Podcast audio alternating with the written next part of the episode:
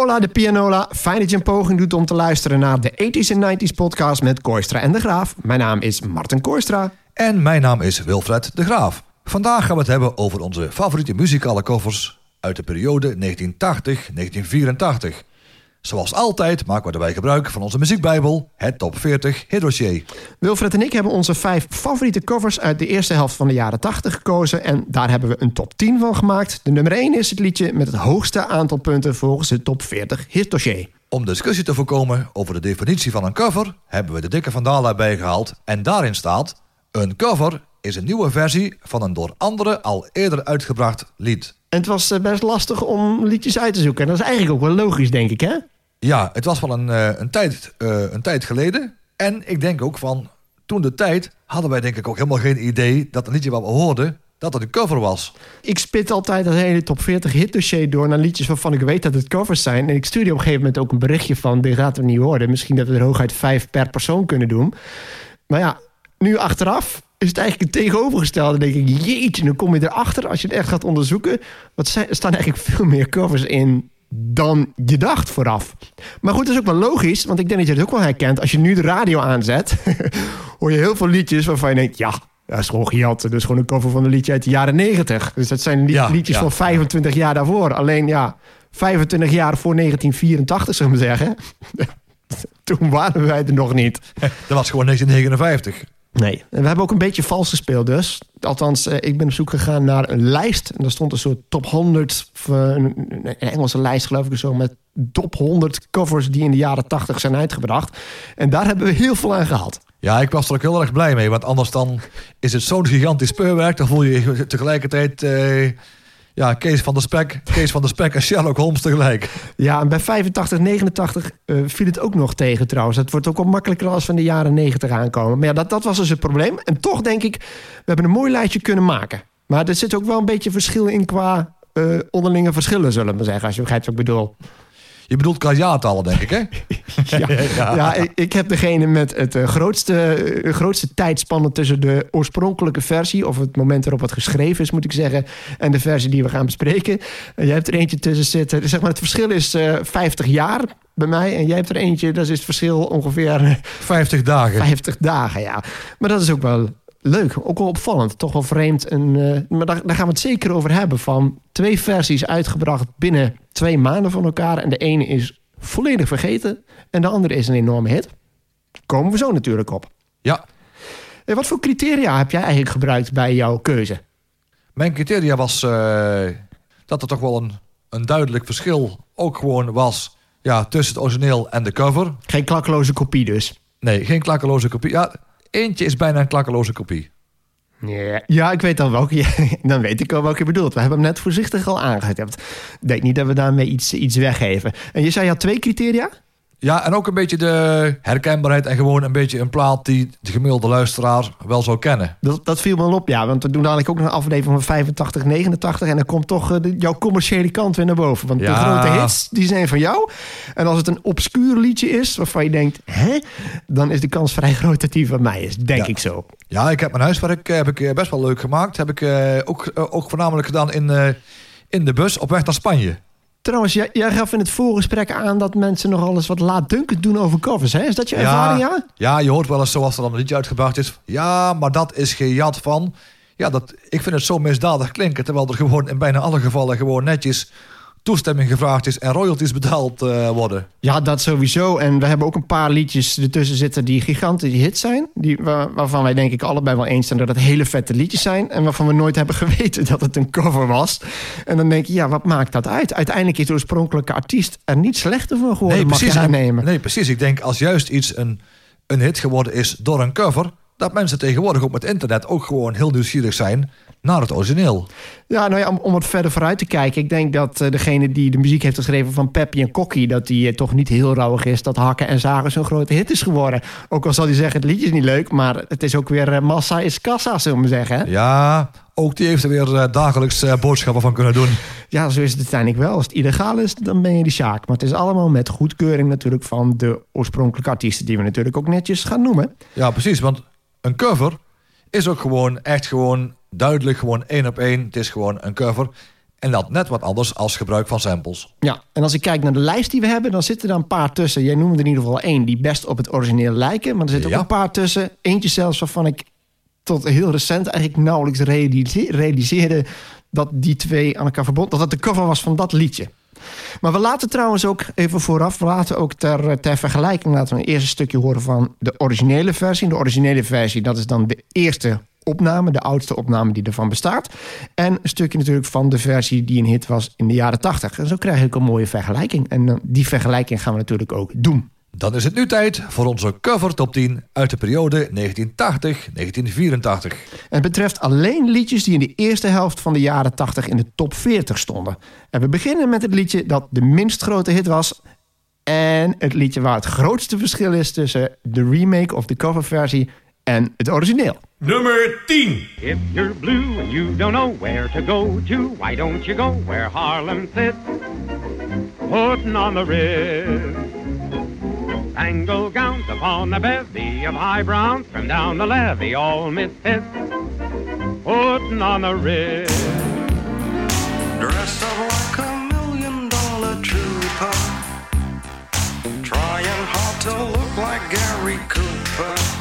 Come, let's mix where Rockefellers walk with sticks or umbrellas in their midst.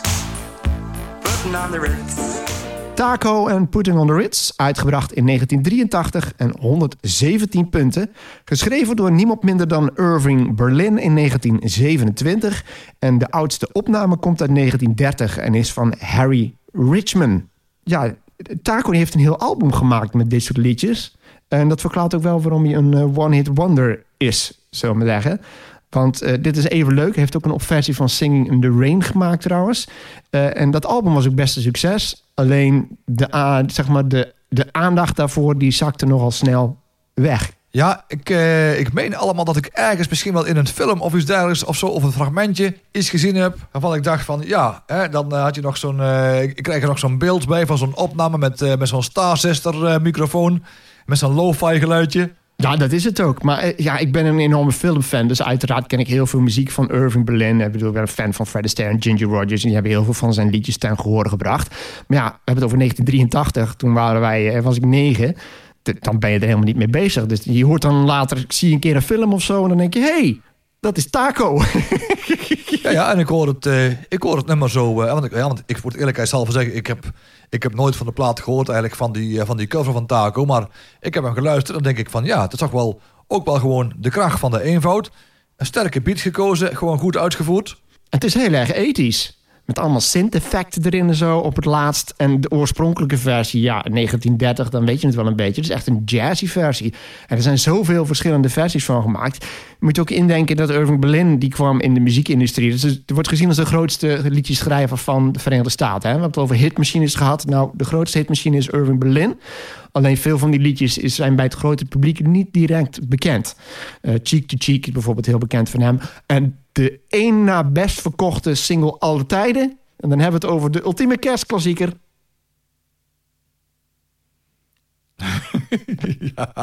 I'm dreaming of a white Christmas. Maar ik vind het leuke van deze versie inderdaad dat het echt heel erg ethisch is. En dat hij er ook wat andere dingetjes in gooit. Er zit op het laatste woord nog een verwijzing naar... There's no business like show business. Ik denk alleen wel dat dit wat te, ja, te blikkerig klinkt... wat te traag is om op een feestje te draaien. Geinige radioplaat. En ik denk zelfs dat je hem daar niet meer zoveel hoort. Maar ik vind hem wel leuk. Ik denk niet dat je hem ooit op de radio hoort, of wel? Nee, nee, nee, nee, nee. Dit is echt zo'n plaatje zo om eens eh, gewoon lekker, lekker bij je ouders eh, als je nog eh, bent. En dan gewoon op, even op Spotify, als Spotify te gaan kijken van... Kijk, dit is nou leuk van een vergelijking met van... Ah, kijk, dit is een beetje nog jouw tijd. En dit is een beetje nog eh, onze tijd toen wij eh, nog, eh, nog jonger waren. Ja, overigens wel een interessant feitje. Dat verbaasde mij echt. Want ik heb dan eventjes uitgezocht wie is die Taco. Want ik dacht altijd dat is een Italiaan of zo. Ik weet ook niet waarom, maar waarschijnlijk op basis van de naam. Wat denk je dan? Maar wat blijkt nou? Eén, dit is een Indonesische Nederlander. Dus hij is in Indonesië geboren, maar heeft een Nederlandse nationaliteit. En twee, hij hoort in het rijtje van, let op, Shocking Blue, Golden Earring, Focus, Mouth McNeil en T-Set. En wat hebben die allemaal gemeen? Dat waren tot Taco. De enige vijf artiesten die ooit de top 10 hebben gehaald. De Nederlandse artiesten moet ik zeggen, die ooit de top 10 hebben gehaald in de Verenigde Staten. Hij heeft met dit liedje de vierde plaats gehaald, 21 weken genoteerd. Dus dat zou omgerekend best wel eens, als je kijkt naar punten, de grootste Nederlandse hit kunnen zijn in de Amerikaanse hitlijsten. Het rare is alleen, het hitdossier geeft heel netjes aan of iets een Nederlands product is. En het staat er niet bij. Dus ja, waar dat dan ook komt. Misschien omdat het in Duitsland is opgenomen of zo. Maar toch, Taco, dan kunnen we toch een beetje zeggen dat het een nationale trots is. Nummer 9. She's pure as New York snow. She's got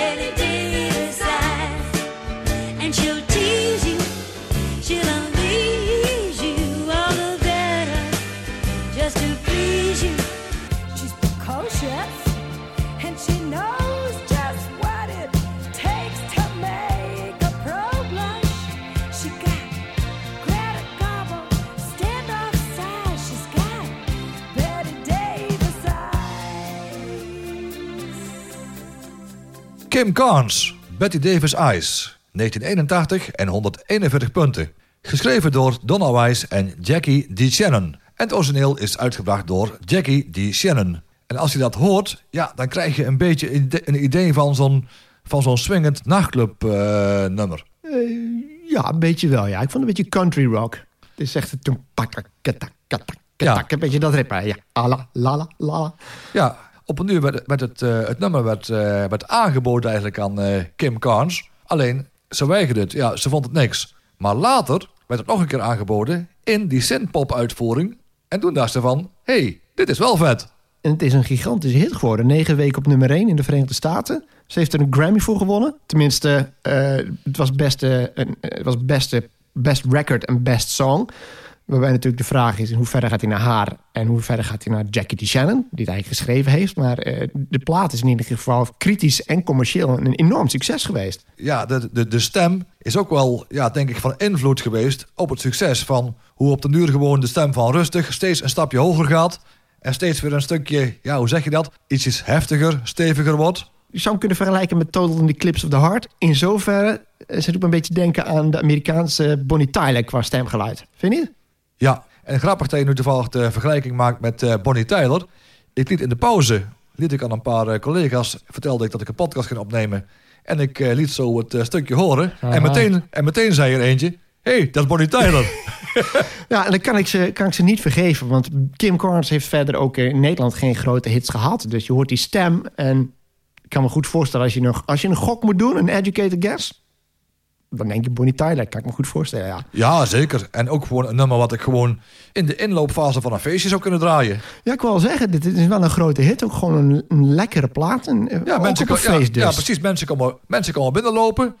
En je moet wel helemaal van hout zijn als er niet minimaal een beetje, een beetje gaat mee eh, bewegen. Ja, oké. Ik zat een beetje te twijfelen. En ik dacht, het is een hele goede radioplaat, maar echt voor op de dansvloer. Maar ja, ja dat, het kan dus inderdaad bij de inloop. Het is Maar ja, niet een goed. knaller, maar gewoon Ja, een precies, lekkere maar- opwarmer. Maar ja, het zou wel kunnen zijn bijvoorbeeld als je een ethisch feestje heeft... en er zijn meer mensen die ook gewoon vroeger wel eens meer naar eh, Dynamo en de Effenaar eh, gingen... die wel denken van, hé, hey, dat is wel, eh, wel leuk, hè? Want dat je op zo'n feestje ook bijvoorbeeld gewoon eh, Kim Carnes, die Pest Mode en zo eh, gaat draaien...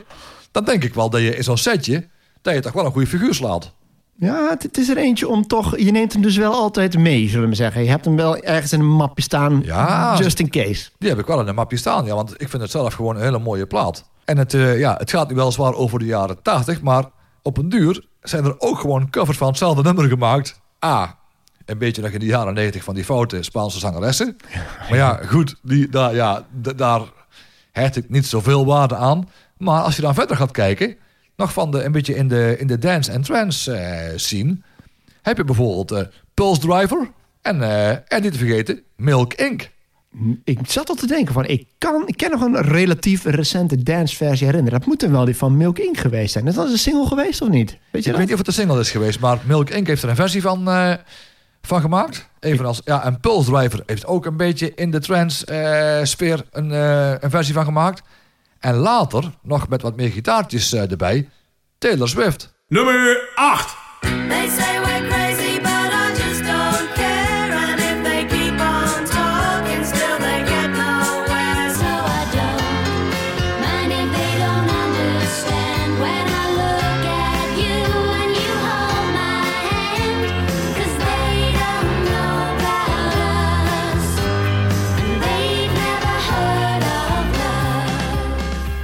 Tracy Ullman, They Don't Know uit 1983 behaalde 186 punten. Geschreven door Kirsty McCall en het origineel komt uit 1979 en was ook van Kirsty McCall. En dit is zo'n geval waar eigenlijk heel weinig eh, verschil is tussen het origineel en eh, de coverversie. Sterker nog, eh, want ik doe dit een beetje monteren en dan leggen ze eigenlijk onder elkaar. En je kon ze eigenlijk gewoon één op één over elkaar mixen. Dus het tempo is hetzelfde, eh, de toonsoort is een beetje anders. Maar goed, dat heeft te maken met de stem.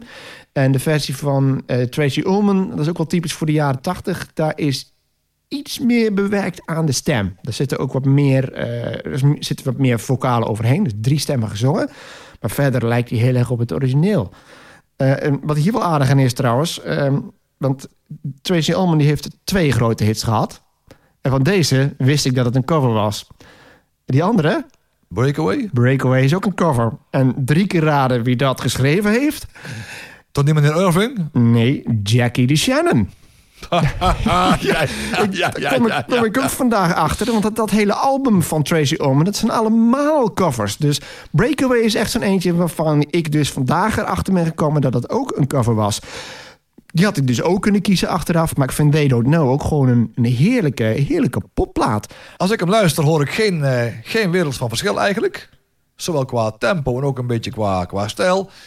Net een wat vrolijkere noot in vergelijking met het eh, origineel. En een ja, net wat lekkerder. Een beetje, ik vind dat wat Bengals eh, sound hebben. Ja, daar zit er wat in. Die hebben ook die harmonies. En die hebben ook dat, een beetje die sound. Zeker toen ze de poppy kant op gingen. Ook een beetje de sound van die girl groups. Maar voor mij, ik heb deze niet gekozen omdat het nou als cover zo briljant is. Maar omdat ik het een heel goed liedje vind. Ik vind het origineel ook heel goed. En toevallig omdat Tracy Ullman daar een, een hele goede cover van heeft gemaakt. Dacht ik, weet je, die ga ik kiezen. Dat was eigenlijk mijn reden. Maar Ja. vond je, maar jij zegt je hoort ook niet zoveel verschil. Nee. Eh, het is een, een, een vertreffelijke radioplaat. Ik denk dat we daarmee kunnen samenvatten, niet? Ja, zeker. Zeker. Zeker op, op, op een, eh, op een ethisch eh, station. Zeker mooi, want dan, ja, niet zo'n meest voor de hand liggende plaat. Nee, eh, wel eentje denk ik die gewoon heel lekker in het gehoor ligt... en die bij veel mensen ook wel een oh ja plaat is. Ja, want ik heb die inderdaad moeten luisteren nog op mijn oortjes. Op mijn oortjes in de bus. En ik luister zo. En oh ja. Kijk, en dat is een beetje het idee. Jij noemde net Breakaway. Breakaway, daar vraag ik me toch weer af. Draai jij die wel eens op een feest eigenlijk? Nee, dit is eigenlijk ook nooit, ja, nooit in me opgekomen. Dat is een beetje een apart tempo, zullen we zeggen. Breakaway is echt heel snel. Hè? Ja. En dat, zijn, dat kun je niet echt in een blokje doen, denk ik. Dat is toch een beetje het probleem nee, is. Nee, en misschien is, en misschien is het een beetje zelfbescherming dat ik bang ben dat, dan, dat het zo wild gaat dat, eh, dat er bier over mijn apparatuur heen gaat. Oh, dat zou ook nog wel kunnen, ja. Dan zien een groep dronken, dronken dames die dan aankomen. Zeggen, hey, is Breakaway van Tracy Ullman. En dan, eh, ah, oké, misschien ook wel een gevaarlijk liedje. Maar Kirsty McCall raad ik ook zeker aan om te luisteren. Die is trouwens ook de houder van, volgens mij van de titel van de langste titel van eh, de... Ja, ik noem dan titel twee keer, maar ik bedoel, dat is dan een titel die zij gewonnen heeft, voor zover je die kunt winnen, van eh liedje met de langst mogelijke titel.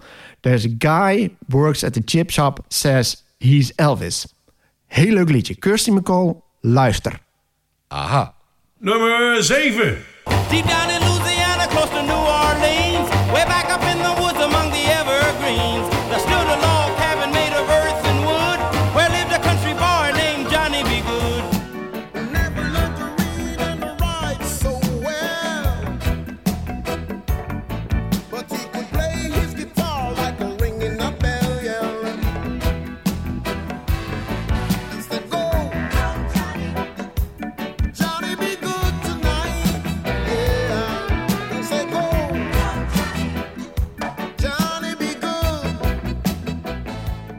Peter Tosh, Johnny Be Good. In 1983 behaalde toen 191 punten. Het origineel natuurlijk van Chuck Berry. Eh, en die heeft het ook geschreven. En het origineel komt uit 1958 alweer. Dus dat is ook een ouwtje. Ik denk, ik durf het wel voorzichtig te zeggen... maar ik- ach, waarom niet? Ik mag dat raden. Ik denk dat wij hem allebei kennen van Back to the Future. Ja. Ja. Het, het grappige is, Back to the Future is 1985. Peter Tosh is 1983. En dat liedje, dat kon ik me nog herinneren uit die tijd. Alleen, deze versie is zo anders... dat het bij mij nooit opkwam dat dat liedje uit Back to the Future... hetzelfde was als die van Peter Tosh. Maar die van Chuck Berry, die kende ik helemaal niet. Nou, ik vind het gaaf hieraan twee dingen eigenlijk. Eh, ten eerste Er zijn meerdere versies van Johnny B. Good. Hè. Dat zijn dus heel vaak gecoverd. Eh, de Beatles hebben hem gecoverd. Die zei, John Lennon was een gigantische fan van Chuck Berry. En het respect was wederzijds. Eh bijna iedereen die, die eh, in de rock and roll zit, die heeft ze wel eens gecoverd. De Beatles waren daar de meest aansprekende van. Eh, Sweet 16 is ge- gejat. Nou ja, het is overgenomen eigenlijk door de Beach Boys. De grootste hit van de Beach Boys, Surfing USA, is vrijwel een kopie van Sweet 16. Met exact dezelfde openingsriff, in grote lijnen ook dezelfde melodie, alleen een andere tekst. En dat is dus wel het liedje, weet je, van Everybody's gone surfing, surfing USA. Everybody be dancing, sweet little 16. En dat doet Chuck Berry dan. Maar wat was mijn punt? Eh, mijn punt was dus, wat doet Peter Tosh? Maar- maakt er gewoon een totaal andere Ja, precies. van. Precies. En het mooie is gewoon, ja, reggae maakt gewoon alles lekker relaxed. Dat was eigenlijk de conclusie hier, want we hebben al wat reggae covers, eh, covers gehad. Uh, UB40 is al een keer langsgekomen met ehm, eh, Maybe Tomorrow. En we hebben natuurlijk ook Boy George gehad. Wat de conclusie is eigenlijk, wil je iets coveren? Doe het in reggae vorm, zou je Ja. zeggen. Altijd lekker. Dus ja, cover en reggae, dat werkt goed samen. Maar Peter Tosh en, en Chuck Berry, dat zijn wel grootheden. Want Peter Tosh die werkte samen met eh, Bob Marley. Die zaten in The Wailers. Dat is later Bob Marley en The Wailers geworden. Dus toen ging de aandacht heel erg naar Bob Marley. En Peter Tosh was daar ook een van de grote creatieve krachten. Die is toen in 75 is hij solo gegaan. En zijn debuutalbum als, waarmee hij solo ging, die heette Legalize It. En wat moet hij dan legaliseren? De drugs. De marihuana inderdaad. De drugs, ja, ja. Dat is een grap, dat is een liedje ook met een zekere humor. Legalize it and I will advertise it, zegt hij dan. En het grappige is, het deed mij heel erg denken aan nederwiet. Maar, Maar ja, maar dat is wel zo. Met, met reggae kun je gewoon liedjes gewoon zingen over, oh, over drugs. En je zingt gewoon vrolijk mee. ja, ik heb deze geprobeerd aan elkaar te plakken dus. En eh, ja, je hebt dus Chuck Buiter. Dan heb je... Totaal anders. En, en het werkt gewoon. Ik vind het, eh, ik vind het getuigen van lef... maar ook gewoon van, van kundigheid. Dat je zo'n klassieker... want als je denkt aan rock klassiekers... dan heb je bovenaan heb je Rock Around the Clock... en dan heb je een paar liedjes eronder... die eigenlijk de grote klassiekers zijn. Zoals Hound Dog en eh, Oh Boy van Buddy Holly. En bij Chuck Berry... misschien wel de meest invloedrijke rock'n'roll artiest... die staat een beetje daar in diezelfde groep... is het toch dit de bekendste samen met Roll Over Beethoven. En om daar dan een totaal andere versie van te maken... die werkt, die gewoon gaaf is... daar heb ik gewoon heel veel respect voor. Ja, want ik bedenk mij ook, ook gewoon zo. eh, toen de tijd was er geen internet. Maar ze moesten ook gewoon, dus gewoon in de platenwinkel of zo, moesten ze die platen beluisterd hebben. En dan pas denken van, hé, hey, dat is mooi. Maar ik kan er ook een kunstje mee. Het is ook een, een cover maken, zeker van zo'n grootheid als Peter Tosh. Als die een cover maakt, dan is dat ook wel een blijk van respect. Dus het is wel grappig ook dat die twee totaal verschillende muziekstijlen hier zo op zo'n mooie manier bij elkaar komen. Nummer 6.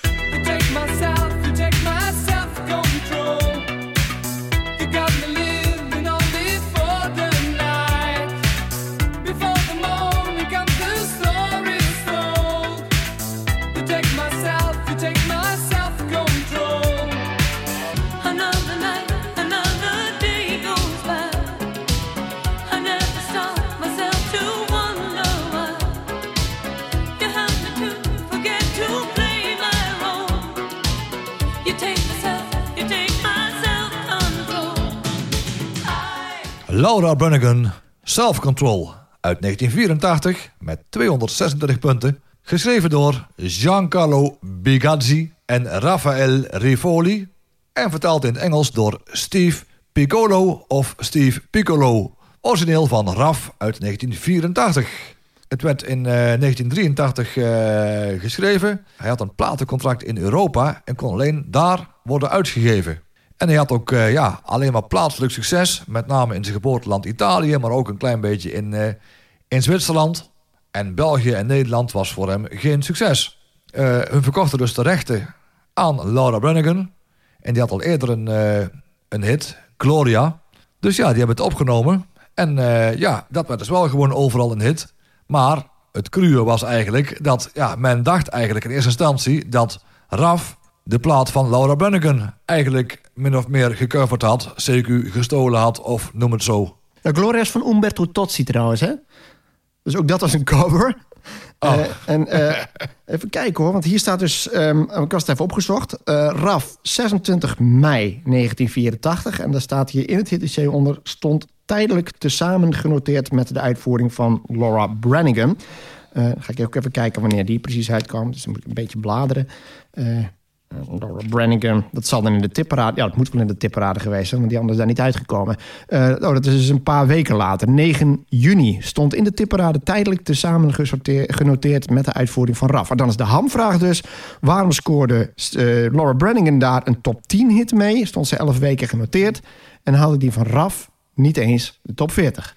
Nou ja, ik denk ook een beetje door de, door de inbreng van eh, Harold Faltermeijer. Ja, er zit een gitaar in. Het heeft Ja. ook een beetje die, wat we met Kim Wilde ook wel hebben gehoord. Dat is ook veel electro, maar er zit ook altijd een soort rock-invloed in. Het is niet een rockplaat, maar er zit wel een gitaar in. En die zit in het origineel niet. Het origineel is echt 100% electro, zou ik zeggen. En de versie van Laura Branigan, daar zit ook dat gitaartje erin. Ja, precies. Want, er lijkt, want in vergelijking lijkt zeg maar, de versie van Raf lijkt een beetje ja, de, de uitgeklede versie. Ik denk wat ook meespeelt, en dat heb ik ook, wat, heb ik ook al teruggelezen in de biografie van Laura Branigan. Laura Branigan die heeft, eh, zoals veel mensen in die tijd, geprofiteerd van haar looks. Want dat is een hele mooie vrouw. Ja. En ik weet niet of je de clip van Self Control hebt gezien. Misschien een keer vroeger op MTV. Het kan. Nou, het, het begint met. Het is ook nogal best een sexy liedje eigenlijk, als je het hoort. Hè. Ze ligt dan eh, lang uit, ligt ze op zo'n eh, nou, zo, zo'n lichtbank, zullen we zeggen, met haar hand net boven de kruis. Een beetje suggestieve houding. En vervolgens zien we haar ook allerlei strakke kleding en een naaldhak. En dan gaat die hand zo, weet je wel. Dan heeft ze zo'n leren laarsje en trekt ze dan zo omhoog langs de benen. En dan krijg je een close-up. Dus, en, Laura Branigan, ook als je de clip van Gloria ziet, mooie vrouw. MTV was in die tijd heel erg in. En Laura Branigan is vanwege haar looks, maar vooral vanwege de kwaliteit van het liedje, is die heel veel gedraaid op MTV. Ik denk dat dat meespeelt. Laura Branigan, die willen ze graag zien. Want begin jaren 80 was MTV vooral besteed aan eh, ja, puberale jongeren. Nou, die kijken liever naar eh, Laura Branigan dan naar Raf. Ja, Logische verklaring toch wel? Jawel. Dat Laura Branigan het verschil maakt ook van, want het is hartstikke goed gezongen, maar ook vanwege haar uiterlijk. Dat dat wel een bonus was. het is gewoon een mooi totaalplaatje. Ja, want ik moet ook, eerlijk, ik moet ook eerlijkheid bekennen... dat ik ook daar eigenlijk niet van wist... dat het een cover was van Raf. Nee, maar het is natuurlijk wel als je weet dat Lo- Gloria een cover is, want die versie van Umberto Tozzi, die kende ik in ieder geval wel, kijk ik er niet van op dat Self Control ook een cover is. Werkt hij op de dansvloer? Het is ook als een inloopplaat eigenlijk, vind ik. Ja, toch wel. Zelfde categorie Bette Davis Eyes. Ja, ja het is ook, eh, ook gewoon weer vanwege... Dat, dat je ook zoiets hebt van... dat je niet alleen maar een standaardwerk gaat draaien... maar ook gewoon eventjes wat platen... ook even laten horen aan het publiek van... ja, ik, eh, ik weet er toch wel een beetje wat vanaf. Ja, en dit werkt dus. eh, is het standaard bij jou of gooi je die ze nu en dan een keertje erin? Ah, die gooi ik ze nu en dan een keer zo eh, erin. Want omdat ik het ook gewoon persoonlijk gewoon een hele vette plaat eh, vind... dan... eh, Ja, ik denk Ja. dat je juist in dat, dat zeg maar, laat ik het, het voorprogramma noemen, als het niet te onderbiedig Ja, ja, is. Dat, dat je daar een beetje ook de ruimte voor jezelf Ja, hebt om de precies, liedjes te kiezen waar je zelf ook wat meer mee hebt. Ja, precies, inderdaad. want ja, het compleet uitgemolken repertoire... wat toch wel aan bod komt... ja, dat komt toch wel. Ja, dus ik zo. Je hebt altijd een liedje waarvan je weet die moeten. En je hebt een gedeelte waar je een beetje de vrijheid hebt. En Ja, dat is aan het precies. begin van de eh, precies. Je komt een ethisch party, je komt niet weg zonder, je komt niet weg zonder YMCA en... eh Girls just wanna en, fun. en, en wanna fun, precies. Never ja. gonna give you up. Ja, ja, ze- ja. Ja, nou, dat, dat is ook wel het eh, in een eerdere aflevering over, over de foute hits. Hadden we het ook over die foute party. Hè, waar we toen naar zijn geweest in de Brabanthal. En dat ook aan het begin van de avond de leukste liedjes kwamen. Ja, dat, dat zijn dan de liedjes die iemand zelf kiest. En later dan moet je toch weer terugvallen op de clichés, zullen we zeggen. ja. Maar ja, daarvoor geldt ook wat clichés zijn voor DJ's. Zijn niet altijd clichés voor de gasten. En daar doe je het uiteindelijk voor. ja, precies. Ik, eh, ik sta voor de gasten en niet andersom. Nummer 5.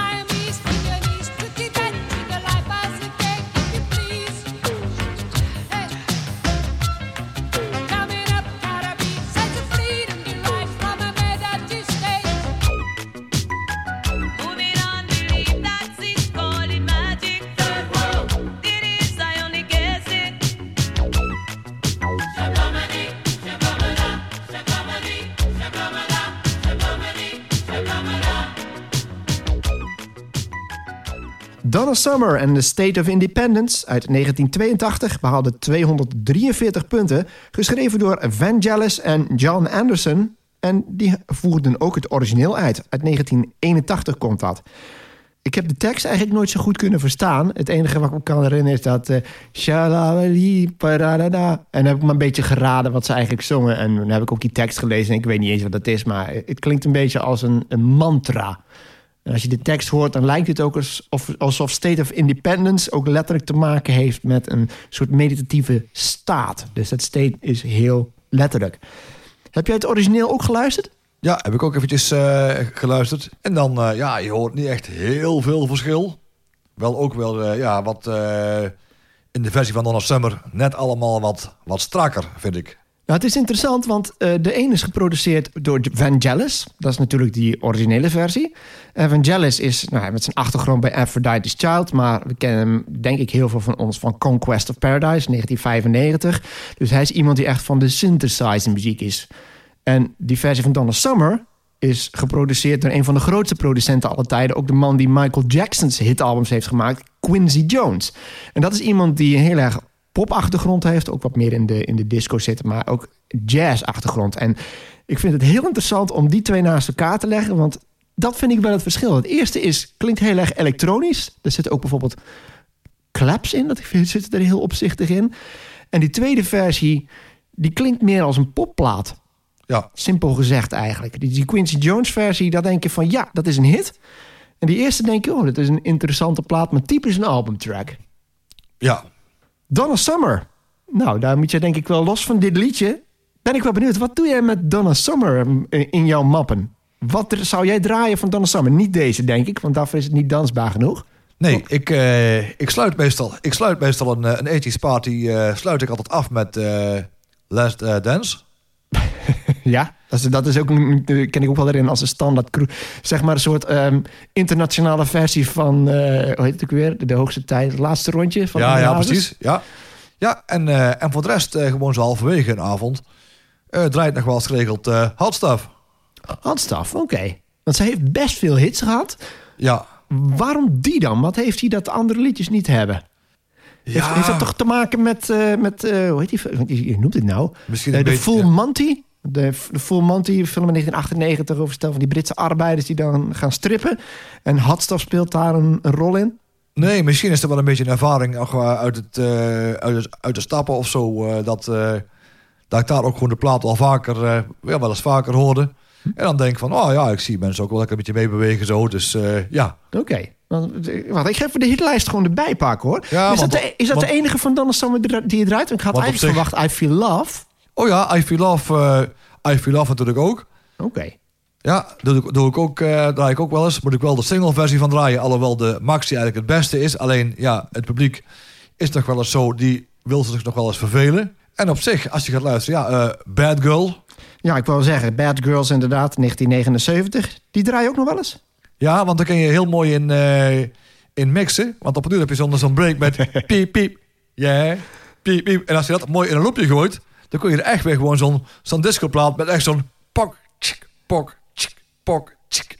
Ja, Lekker nee, in draaien. Ja. dat- ja, dat is heerlijk. Dat zijn wel de betere, want jij bent ook een fan van de 12 inches. En die 12 Ja. inches die hebben natuurlijk die mooie mixmomenten. En Ja. als het een mooi mixmoment heeft, dan is dat voor jou net eventjes een extra motivatie om te zeggen, die gooi ik er een keer in. Ja, Eh, Ik vind het goed als ik even, een- ik ga ze niet allemaal doorlopen hoor, maar dat ik een aantal prominente liedjes van Donna Summer noem. En dan wil ik gewoon van jou vragen, eh, radioplaat of feestplaat? Ja. Of alle, nou, allebei. Ik denk als het een feestplaat is, is het ook een radioplaat in de meeste gevallen.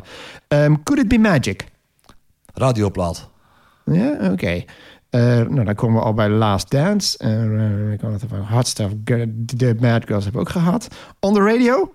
On the radio. Oh, Dat zou het, ja, dat zou het allebei kunnen, want hij is gewoon leuk. ik noem het... Ja, toch? Ik denk On the radio. Het liedje heet dan On the radio. Dus een typische radioplaat. Maar hij zou Ja. toch kunnen, denk je? Ja, Oké. Love is in, in control. I've got my finger on the trigger. Love is in control. ja het heeft wel een, eh, een, party, eh, een partystijl. Alleen, ik denk als ik hem ga draaien, dat het publiek nog, ja, nog te, te, te moeilijk kijkt van... ja, het is niet 100% hit. Net niet. Oké. She works hard for the money. Van Flashdance volgens mij ook? Volgens mij wel, maar ik heb hem een beetje staan als, eh, als radioplaat. Ja, oké. En This Time I Know It's For Real? This time Ja. I know... Van, van je jouw grote vrienden, zullen we zeggen. Jawel, mijn grote vrienden. Ja, stok, eten en waterman. En ik geef eerlijk toe, dit is mijn, dat is mijn favoriete Donna Summer plaat. Hij is gewoon goed. Ja, ik zou hem ook, ja, die zou ik ook gewoon kunnen, kunnen draaien op een eh, ethisch eh, feest, maar ik heb dat nog nooit gedaan. Oh, oké. Ik zag je al twijfelen en ik was verbaasd. Ik denk, nou, dit is echt een fantastische... En ook omdat het Stock Aitken Waterman is. En ik denk, Stock Aitken Waterman kun je gewoon automatisch draaien. Maar dat is Ja, dus en- niet ja. op een feest dan. Nee. Maar dat is dus niet zo. Nee. Ja, want ook, eh, want ook de opvolger eh, I Don't Wanna Get Hurt was ook weer gewoon zo'n leuk, ja, ook weer zo'n zo'n zo'n goede productie. En dan zat ook zo'n zo'n break in. Hurt, hurt, hurt, hurt, hurt, hurt, hurt, hurt. Need another heartache. Zoiets, hè? Dat is dan weer typisch, want ik, ik zie hem hier staan en dat zegt me helemaal niks. Maar het is inderdaad de eerstvolgende single. Dat weet jij dan om een of andere reden weer. Het is niet verder gekomen dan de tijd als de plaat en dat zegt me helemaal niks. Nee. Maar het zal ongetwijfeld een, een goede plaat zijn. Maar die, die had ik dus niet genoemd. Eh, wat ik wel knap vind aan Donna Summer... want eh, State of Independence heb ik hier eventjes in overgeslagen... maar dat, dat- zij heeft dus wel die overstap weten te maken van Disco Queen. Want we noemden net I Feel Love. Nou, dat is een echte disco-knaller. En ze heeft toch... In de jaren tachtig heeft zij weer een soort doorstart kunnen maken. En State of Independence was eigenlijk het punt waarbij ze weer zei van... hé, hey, ik ben er nog. En toen kwam She Works Hard for the Money. En toen was ze eigenlijk in de jaren tachtig... was ze gewoon een ethisch pop queen. Ja. En dat vind ik wel het, het knappe aan Donna Summer. Die heeft toch echt eh, het, die heeft de disco-periode overleefd. Want dat was echt de disco queen een beetje, toch? Ja. Nummer 4. The beat was going strong, playing my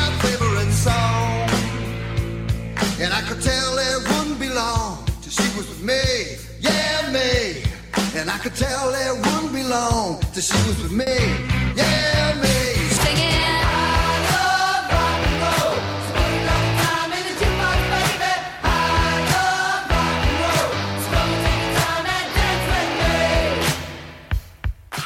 Joan Jett en de Blackhearts, I Love Rock and Roll uit 1982. 270 punten. We zijn pas bij nummer 4, hè?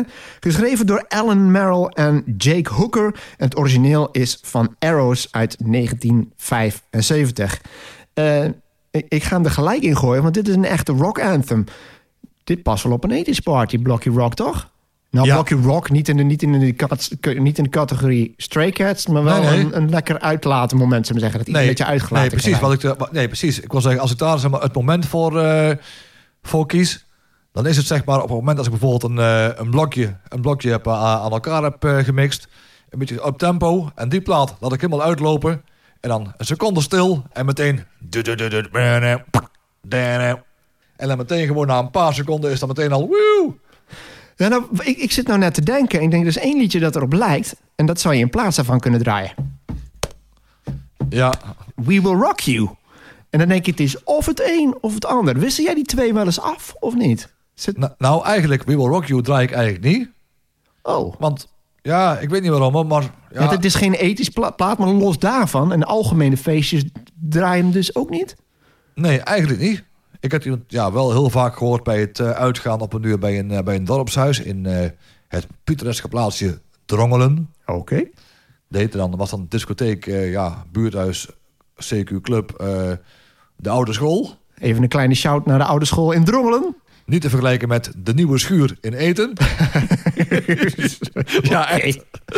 Maar, eh, Bestaan die nog, denk je? ja, Oké, dat, Ja. dat, dat even terzijde. maar meer een beetje een soort van buurthuisfunctie. Ja, oké, maar we, eh, los van de buurthuizen, Ja. weer terug naar het liedje. Want Ja. we hadden het over dat je deze wel eens draaide, toch? Op een bepaalde, op bepaalde momenten in jouw set. Ja, en doe ik bijvoorbeeld eh, John Jett en de Blackhearts met eh, I Love Rock and Roll. En dan gevolgd door bijvoorbeeld een Doe Maar. Ook gewoon een plaat die je eigenlijk gewoon niet kunt, kunt plaatsen in een, eh, in een mixblokje of discoblokje. En doe ik allemaal een beetje wel platen die ook gewoon wel, wel hits zijn. Nog niet aan het eind van de avond dat het van die foute hits zijn, maar gewoon een paar, ook gewoon een paar hitjes. Die dan gewoon op zijn avond eh, ja, net wat buiten het, eh, het, normale, het normale stramien vallen. En daarmee probeer ik ook een beetje onderscheid te maken tussen, tussen de DJ's die je bij een feest bij de FNA ziet. En gewoon, zoals ik dan zat te draaien, gewoon in een, in een kroegje. Nou, je hebt gewoon vette jaren 80 platen, of niet per se jaren 80 platen. zijn maar liedjes die je niet in een blokje kunt zetten. Die je eigenlijk heel moeilijk kunt plaatsen, maar die wel gaaf zijn. Ja, Ja. Ik vind het aardige hieraan. eh, ik kende dat origine. Dit is ook weer zo'n geval van. Ik wist niet dat dat, een, dat dat een cover was. Maar je hoort hier wel iets. En dat heb ik wel eerder meegemaakt. Eh, het origineel is helemaal niet zo slecht. Die is vrijwel hetzelfde. Maar je hoort wel één belangrijk verschil. En dat is de productie. Het origineel, wat hier eigenlijk werkt, is die dek van... En in die oorspronkelijke versie klinkt dat een beetje iel. Ja. En ik heb diezelfde ervaring met een van mijn favoriete nummers van dit moment. En dat is een episch liedje van Status Quo. Dat is opgenomen in 1974 op het album Hello. Maar dat hebben ze in 1991 opnieuw opgenomen. Dat liedje heet 4500 Times. Als je een beetje houdt van dat soort rock, absoluut luisteren. Die remake is fantastisch. En daar hoor je ook dat de techniek qua opnames in die periode van 74 tot 91 enorm zijn verbeterd. En dat is allemaal begonnen zo begin jaren 80 toen het gedigitaliseerd wordt, werd. Dat verschil kun je daaraan herkennen. Dat oorspronkelijke is oké, maar een beetje iel. En de tweede versie heeft eigenlijk meer ballen, om het zo maar te zeggen. Ja, gewoon lekker meer, meer pit. Ja, dat is het. eh, dat heeft toch echt wel met de opnametechnieken te maken, vind je of niet? Ja, ja zeker. Nummer 3. It's not the things you do that really hurts me bad, but it's the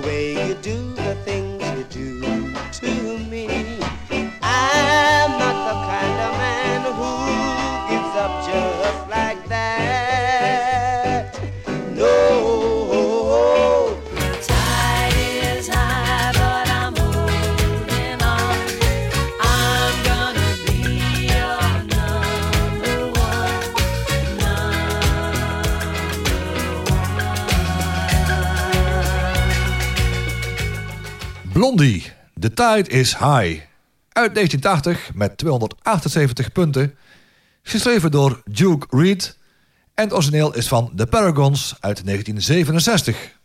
Ja, de top drie is allemaal voor jou.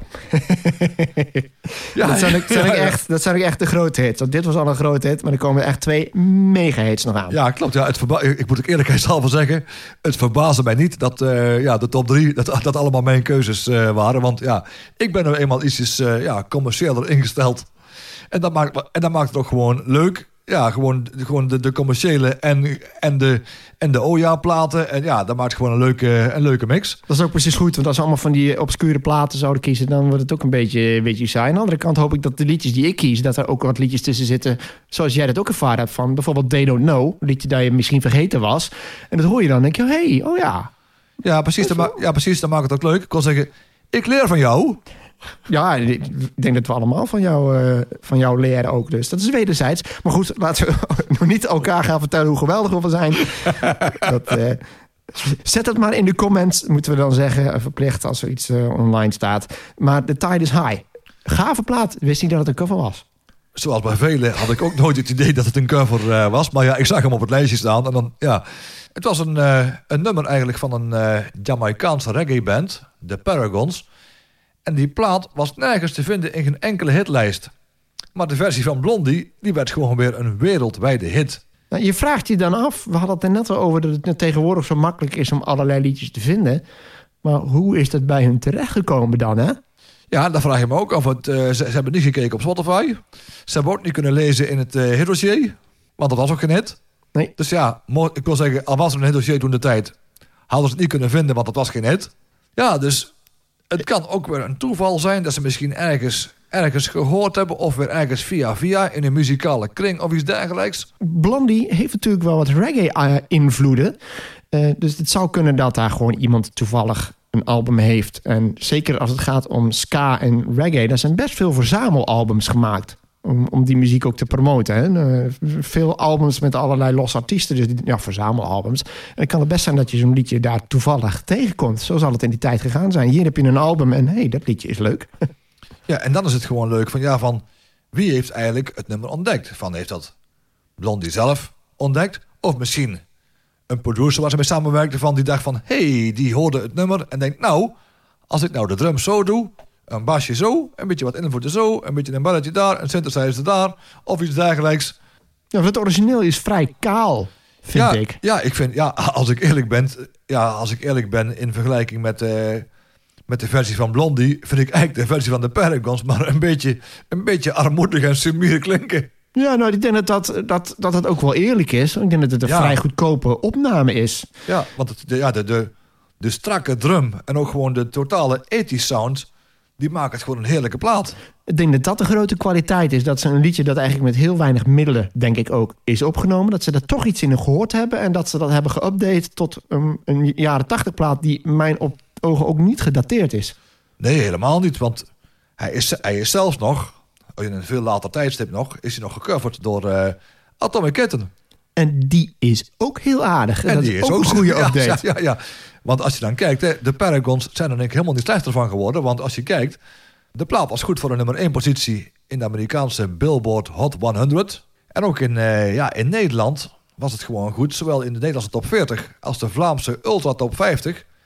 Allebei de vierde plaats.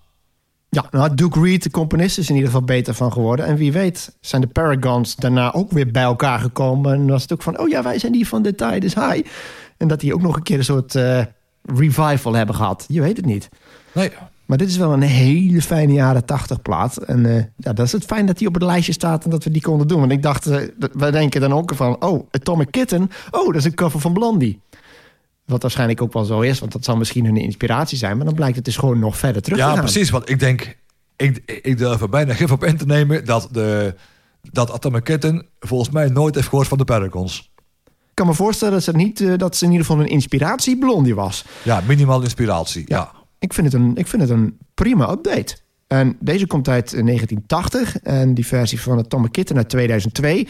Dus het is wel weer tijd voor een, eh, voor een nieuwe versie, toch? Wie durft aan? Een geüpdate 2022, of als we dan echt exact gaan tellen, 2024 is ook goed. Eh, update van The Tide is High. Ja, hè, een beetje met, een, eh, met zo'n uh, eh, beat.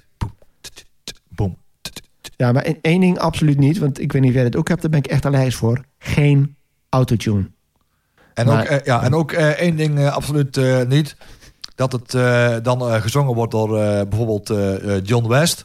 En dan... en, en, John en, dan, West, ja. en dan een beetje... Kijk, van... eh, Jouw naam is mooi, maar ik loop niet weg. Bijvoorbeeld Oh, zo, ja. Zo'n foute Nederlandse... ja, ja, ja, Ja, zo'n foute Nederlandse code waar je echt helemaal kromme tenen van, eh, van krijgt. Gewoon de originele versie. De originele tekst in een ander arrangement. We zullen het afwachten. Het is nog twee jaar voordat het 2024 is. Dus eh, dat Ja. moet kunnen. Daar gaan we voor. Nummer 2.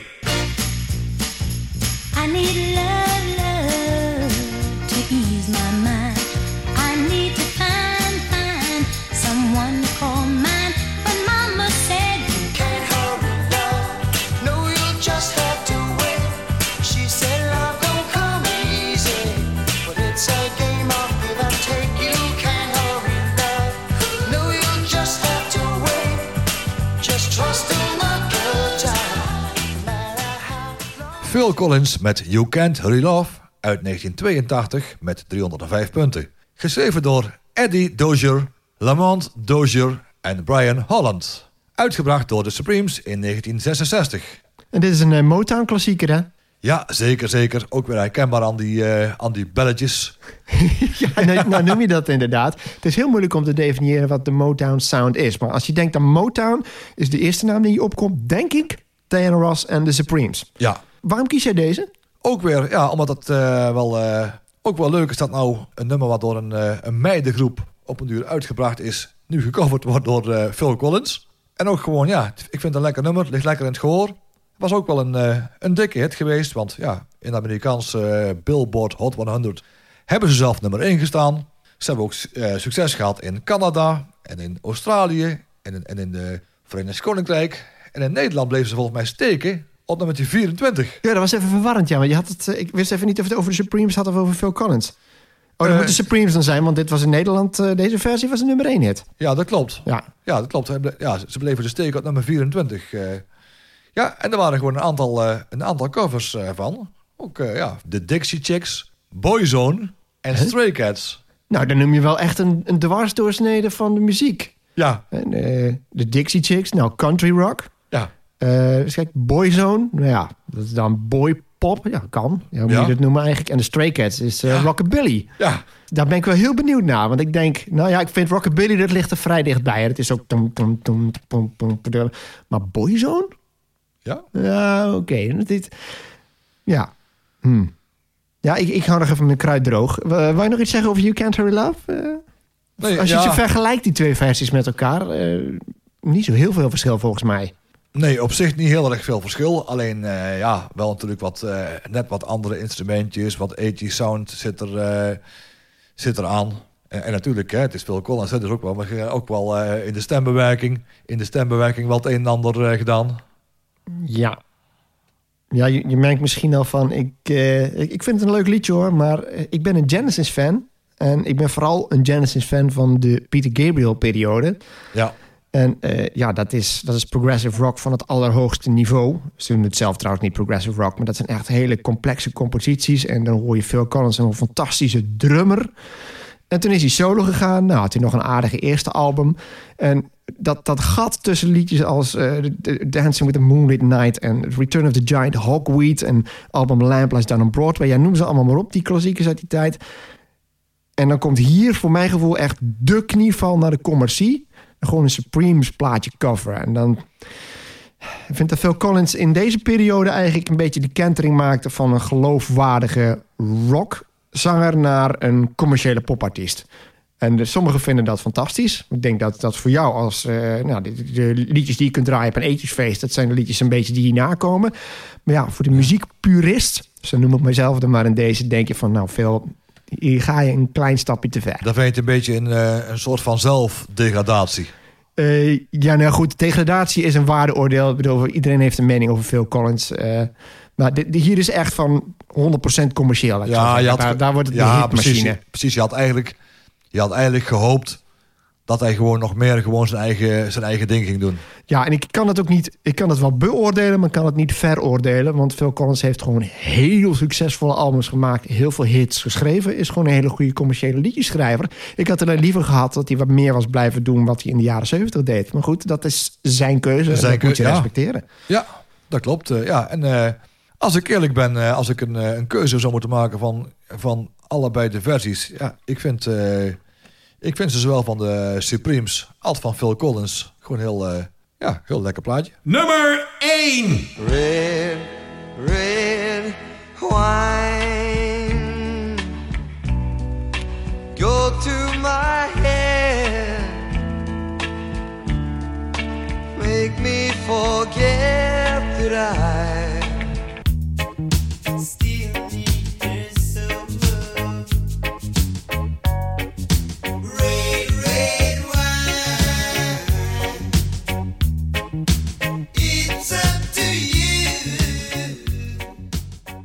UB40 met Red Red Wine uit 1983 met 341 punten. Geschreven door Neil Diamond en ook uitgebracht door Neil Diamond in 1967. Ja, ik vind het ook weer een, eh, een upgrade, eerlijk gezegd. Nou, dat is UB40. eh, we hebben het al gehad over reggae. Dat dat de perfecte manier is om te coveren. En UB40 is dus een beetje de cover koning. Of zeker in de jaren 80.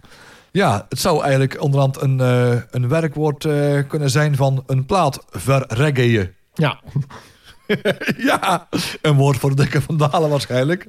Maar hoezo is dan het, eh, de remake beter dan het origineel? Dan mis jij toch iets in het origineel. Terwijl het wel Neil Diamond is. Ook een hitmachine in die tijd, hè? Ik moet wel eerlijkheidshalve bekennen dat als ik dan de versies langs elkaar lig, dat bij de versie van Neil Diamond wel de emotie er veel meer ingelegd wordt. Ja, de, de vraag is, is het inderdaad ook een emotioneel liedje? Eh, ik denk dat bij ons ook telt is dat die versie van UB40 er zo ingebakken zit. Want die, vaak is, die plaat is zo vaak langsgekomen op de radio en die kennen we zo goed.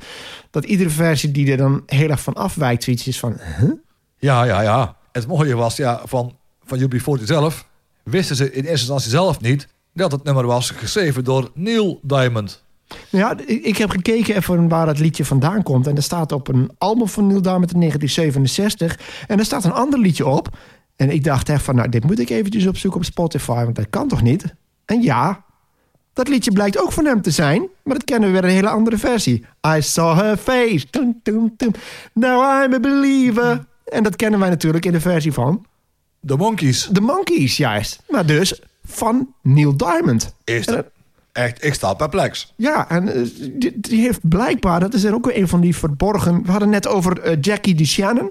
Hadden we nog nooit van gehoord voor deze uitzending. En die komt twee keer voorbij als degene die eh, de schrijver is van Betty David's Eyes. En we noemden ook nog even Breakaway van Tracy Ullman. Dat zijn twee fantastische platen uit de jaren tachtig. Allebei van Jackie DeShannon. Nooit van gehoord. Neil Diamond natuurlijk wel van gehoord. Maar ik wist niet dat Red Red Wine van hem was. En ze helemaal niet dat eh, I'm a Believer, een absolute klassieker van de Monkees, dat dat een cover is. En dat dat ook oorspronkelijk van Neil Diamond was. Dus, ja. Ja, en wat ook wel, en dat wel- ja, ook wel leuk is met deze, met deze cover, dat is dat eh, Neil Diamond heeft gewoon eh, gezegd dat dit eigenlijk een van zijn favoriete covers eh, vindt. En als hij ergens optreedt, dat hij ook gewoon de band speelt het reggae arrangement en hij zingt dan Red Red Wine, zingt hij eh, mee.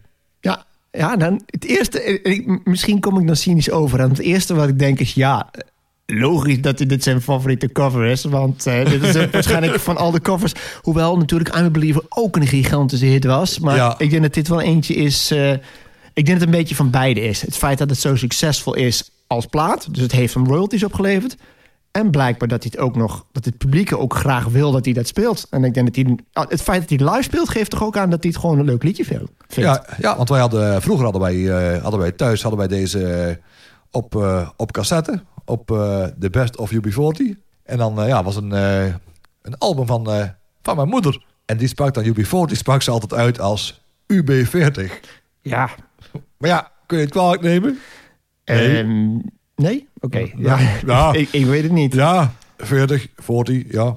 Ik denk alleen, ja, die komen vrij veel op de radio langs. Dus dan wordt het wel afgekondigd als UB40. Ja, oké. Denk ik Ja, dan ja. misschien. Maar ik denk als je dit album pakt en je ziet dat... en je denkt, eh, UB40, ja, dat is ook zo'n rare naam. Eh, je, moet, eh, je moet wel enigszins kennis van het Engels hebben. En ja, in de jaren 80, begin van de jaren 80... was dat niet zo vanzelfsprekend. Omdat je veel minder... We hadden het ook over televisie gehad. Hè? Wat is, wat is de Ja. belangrijkste invloed op, je Engelse, op de, de Engelse taal voor ons? Televisie. Televisie, ja. En in tweede plaats komt dan ook radio, als je die songtekst überhaupt kon verstaan. En ja, als je maar twee zenders hebt en weinig televisie kijkt, dan hoor je helemaal niet zoveel Engels. Dus ja, dan weet je ook niet dat het UB is. Maar goed, dat terzijde. Is dit de beste UB40-plaat om te draaien op een 80s feest? Het ligt aan het moment, denk ik. Hmm. Want ik durf aan het eind van de avond nog wel eens eh I Got You Babe erin te gooien. Ja, natuurlijk. Eh, in in Kingston Town bijvoorbeeld zou die ook nog wel kunnen. Dat is niet een... Ja, ja nou, Kingston Down is ook gewoon een lekkere inloopplaat. Ja, I Can't Help Falling in Love With You. Ik, gooi dus, ik kom zomaar wat titels binnen waarvan ik denk... De, de grootste hits, hè? Ja, ja het, het zou allemaal kunnen hoor. Ja. Reggae kan dus eigenlijk... Pop en reggae mixt heel goed, hebben we al gemerkt. En kan dus ook gewoon. En ik denk ook gewoon bijvoorbeeld met die reggae-platen... Van dat er ook wel een beetje, mis- misschien nog een beetje afhankelijk is van... eh, of ik zo'n ja, zo'n feestje draai ook in de, in de zomer. Hè, dat is lekker, lekker weer. Mensen komen van buiten af in de zomer en dan komen ze binnen. En dan reggae sound. Nou, lekker toch? En eigenlijk kunnen we gewoon eh, concluderen dat, eh, ja, dat wij in zijn algemeenheid... de cover wel een beetje een, een upgrade, CQ update vinden van het origineel. En dan blijkt uiteindelijk dat dat het doorslaggevende criterium is... waarom we hem kiezen. Ja, we kunnen eigenlijk gewoon zeggen dat er in de jaren 80 gewoon hele verdienstelijke covers gemaakt zijn. En dat blijkt uiteindelijk ook ons belangrijkste criterium te zijn, denk ik. Onbewust, want we noemden niet vooraf. Maar eh, toch de upgrade en de echte lekkere 80 sound. En dan kiezen we hem. En daarmee zijn we aan het einde gekomen van deze aflevering van onze 80s en 90s podcast. Fijn dat je wilde luisteren. Houdoe. En bedankt.